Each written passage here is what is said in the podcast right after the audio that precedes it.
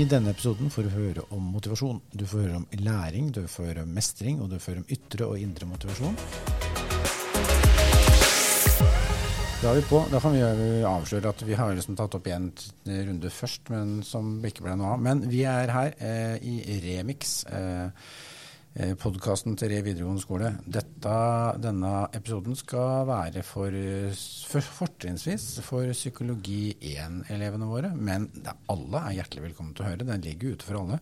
Eh, jeg heter Bjørn Harald og er eh, lærer mest i psykologi her på Re videregående. Jeg har sammen med meg Markus Aasland, faglærer i psykologi 1 her på Re. Mm -hmm. I tillegg så, så, jobber jeg som universitetslektor på universitetet på Bakkenteigen. Ja.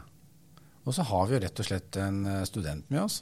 Studenten Randi, som uh, kommer fra Universitetet i Oslo, går på praktisk pedagogisk utdannelse og er veldig motivert for å komme ut i undervisning. Var ikke det fin overgang? Fantastisk overgang. Vakkert. Eh, for det er det denne podkasten skal handle om. Motivasjon. Eh, og motivasjon til å lære, ytre, indre osv. Så, videre. så det er det som er, er temaet i dag. Og dette kan jo være et tema som er langt, altså eh, interessant langt utafor akkurat de som tar psykologi 1.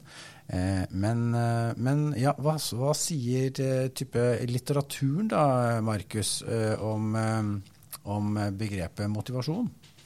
Her også finnes det veldig mye ulik litteratur og ulike definisjoner.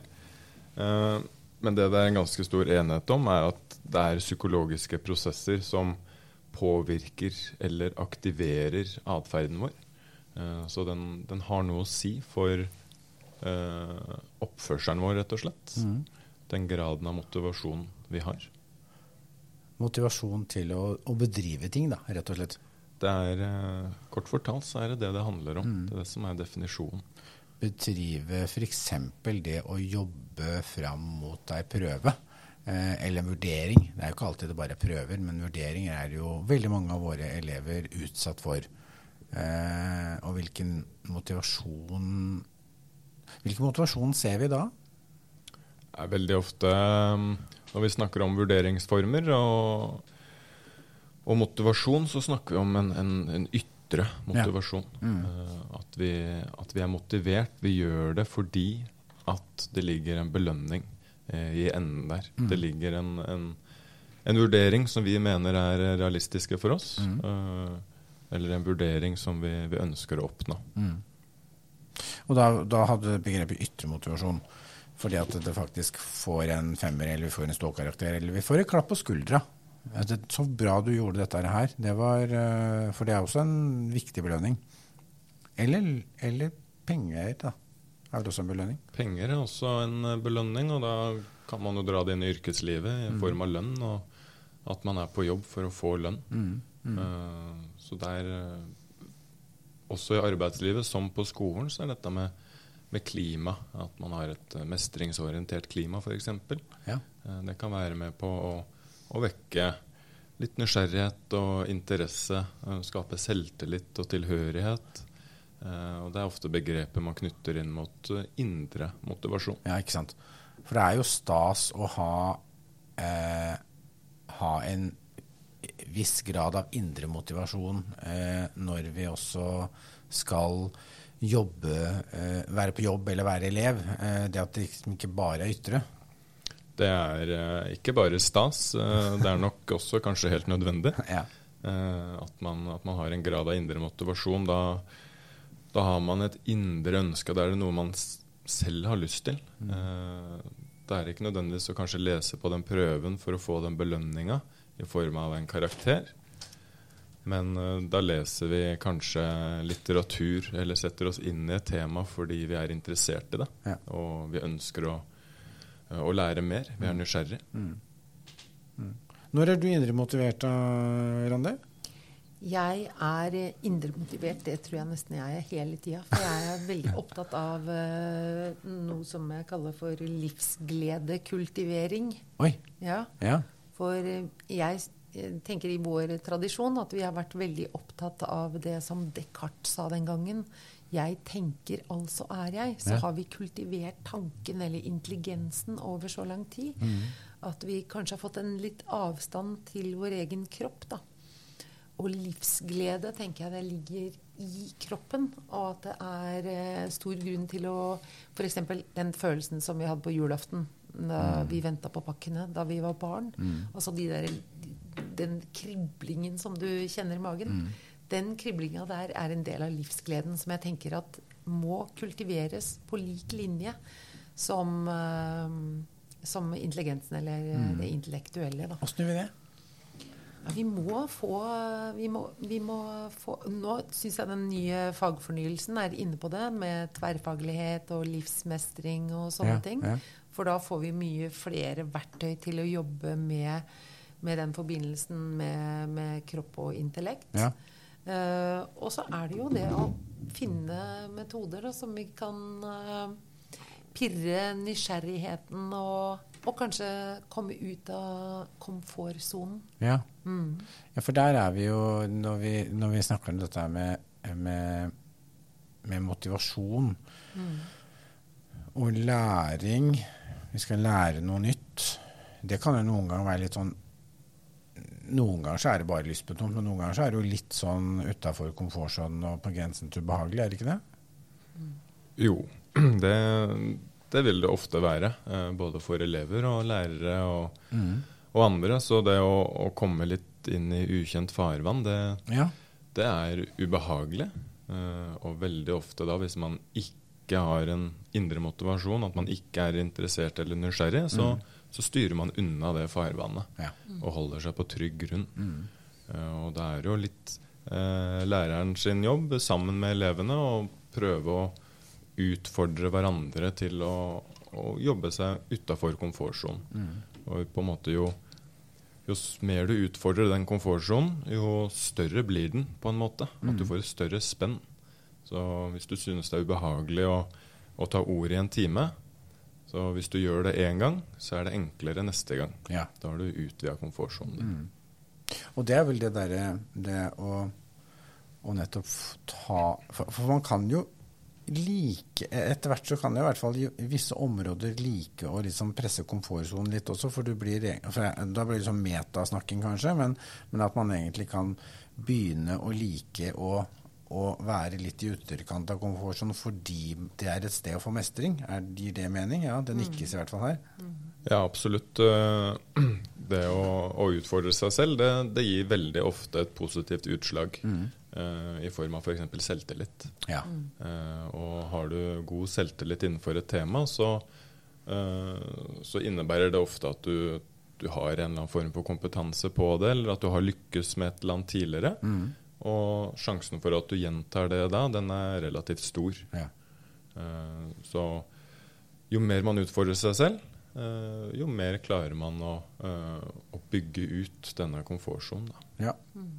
Og, det er jo sånn, og da har du en element av for det har vi snakket om en element av både indre og ytre. Er det ikke en veksling der? For du måte du har en driv ved at du har lyst til å utfordre deg sjøl, men så får du samtidig den gode følelsen, da. Eh, som er den belønninga for Oi, jeg fikk til dette òg, gitt. Og til og med kanskje noen utafor sier at så flink du var. Jeg hadde en sånn eh, her for, for, noen uker siden. Da, da ble jeg utfordra på å lese dikt for alle elevene her på skolen. Vi har en sånn markering. Og det, Da snakka jeg med mine elever om at dette her er ytterkant av min komfortsone. Det å skulle lese et uh, nynorsk dikt, et flott dikt, og den der kombinasjonen av respekt uh, for den som har skrevet det, samtidig som en skal lese det ordentlig. Uh, så fikk jeg være heldig å få litt veiledning. da, sånn at da, da, da liksom, ble jeg litt tryggere på det. Men jeg kjente jo vel, da, Apropos, jeg kjente det hele kroppen, at jeg var litt sånn spent. Men så opplever man altså oh, det gikk jo ja, det gikk i hvert fall greit, og det var noen som syntes at det var ålreit. Og sånn, og da, var sånn der, der, kjente jeg veldig at jeg var i, var i ytterkanten eh, på hva som var i hvert fall for komfort. Jeg tenkte at jeg kommer ikke til å svime av, men det kommer til å gå bra. Og så er det sånn Ja, jeg har gjort det òg. ja. ja, og, og etterpå da så sitter du kanskje med en ganske god følelse. Ja. Eh, når du er ferdig med det, og du synes det gikk passe bra, sa du. Ja. Og når man har gjort noe utafor komfortsonen sin og har lyktes, eh, i hvert fall ikke mislyktes, da, ja, men at du har lyktes i, en eller annen grad, så, ja. så, føles det ofte veldig godt etterpå. Ja, og det er i hvert fall sånn at jeg kan, ja, jeg kan ta og si ja til det en gang til hvis det blir spurt. Da kan det bli enda bedre. Ikke sant? Det er sånn, Du er på den, og det Ja. Mm. Så det er eh, det, Og det, og det tenker jeg hvordan få, få øh, flest mulig elever til å være innom de tinga, da. Uh, de, de mm. følelsene der. Som i hvert fall er litt sånn ubehagelig, men så er det noe godt der òg. Mm. Det er vel det vi jobber i, det er ikke det? Det er det vi jobber med, og det er som du sier at uh, det er vanskelig å skille mellom indre og ytre eh, motivasjon i, i, en time eller i en klasse eller i et skoleår. Ja. Eh, det er veldig sjelden at det er enten-eller. Som regel så er man innom begge deler. Mm. Eh, og det handler om både Det kan være innenfor en ti minutters bolk i en time, hvor hvis man klarer å vekke en interesse hos elevene, eh, så er man jo på en måte, har man jo skifta fra ytre til indre mm. motivasjon allerede der. Mm. Mm. Og hvis man blir kjent med dem ikke sant, og vet litt om interessene deres, så kan man bruke disse eh, interessene også for å få F.eks. Eh, jeg er veldig glad i å synge. Ja. Og det har jeg vært siden jeg var ganske liten. Jeg hadde en, en slags indre motivasjon på det. Når jeg ble utfordra til å gå ut av min komfortsone ved, å synge foran andre ja. Åh, det kunne jeg virkelig kjenne på kroppen. Altså, at jeg fikk ja. høyere puls og skalv i knærne og alt ja. mulig. Men uh, da fikk jeg en belønning på en måte ved at andre sa at 'å, så flink du var', og, ja, mm. og så kunne jeg gjøre det igjen. Mm. Da hadde jeg jo en indre motivasjon fordi jeg likte å synge, og jeg liker å fortelle historier og kommunisere gjennom sangen. Og så får du jo også en ytre motivasjon ved at du får skryt og støtte utenfra. Da. Mm. Så det å finne fram til elevenes tilsvarende interesser og koble de på i forskjellige fag kan jo være en, en løsning da, for mm. å, å, stimulere indre, særlig indre motivasjon. Da. Ja. Mm. ja. for da kommer vi også inn den der mestring som vi på en måte også er, er innom. Den der opplevelsen av å faktisk mestre. Mm. For det snakka vi vel om at det er ofte der man føler nettopp den mestringsfølelsen i, i den ytre, yt, yt, ytterkanten av komfortsonen. At man kanskje er utafor komfortsonen, men eh, ikke så langt ute at du blir blåst av banen. Ja, det er mestring. Det, det, føler du jo litt sånn som når du leser det diktet. Ja. Eh, ikke når du pusser tenna om morgenen, for Nei. det klarer du hver eneste gang. Ja. eh, så, mens det å lese dikt foran 800 mennesker, det er jo utafor komfortsonen. Og da opplever du jo mestring ja. Eh, når du får til det. Mm. Eh, så det er viktig at, at uh, elevene opplever mestring uh, i en eller annen grad. Mm. og det er det i veldig stor grad læreren sitt ansvar å legge til rette for. Mm. Og det er det mange ulike måter å gjøre på. Det er jo ikke noe fasitsvar her, for det vil jo variere ut fra klasse og individer. Ja, for det er veldig stor individuelt forskjell på hvor mestringsfølelsen kommer. Altså, for jeg, altså jeg er i utgangspunktet vernepleier og jobba mye med utviklingshemma. Der, der kan faktisk det å pusse tennene være en ordentlig mestring, fordi faktisk, de har ikke mestra det godt nok før. Eh, så Til de som på en måte er hos oss og jobber for en sekser i et fag. Det er på en måte et, et hav av avstand, men hele veien der kan være fylt av ulike individer med ulike mestringsfølelse. Altså eller få mestringsfølelse på ulike nivå. Da. Mm. Så, og det vil du ha i en klasse også. Fra det å kunne stille et spørsmål til å kunne holde et uh, langt foredrag. Vil ha, du vil ha, ha, folk som har mestringsfølelse på alle, alle ulike nivåer. Mm. Absolutt. Og, og, det er litt sånn som så Randa var inne på, det at uh, det å bli kjent med elevene, det, det har en hensikt. Eh, og så er det flere andre måter å variere undervisningsmetode på. Eh, F.eks. ha podkast som undervisningsmetode. Mm. La elevene ha, lage podkaster. Mm. Eh, snakke med elevene. Eh, hva slags undervisningsmetoder ønsker dere? Hva slags vurderingsformer ønsker dere? Ja. Eh, og at man, man, knytter det opp mot, eh, mot, de målene som er satt til læring. Mm. mm. Fint. Er det mer vi burde vært innom i denne runden med motivasjon og læring og mestring? Som er på en måte viktige elementer som vi bør, bør ha nevnt, så er jo dette bare en prat. Dette er ikke et uh, pensumopplegg. Uh. Det er jo noe med den der komfortsonen som er veldig Altså hvis du er innafor komfortsonen hele tida, Mm. så, så er det lite bevegelse, lite spenning, lite motivasjon. Mm.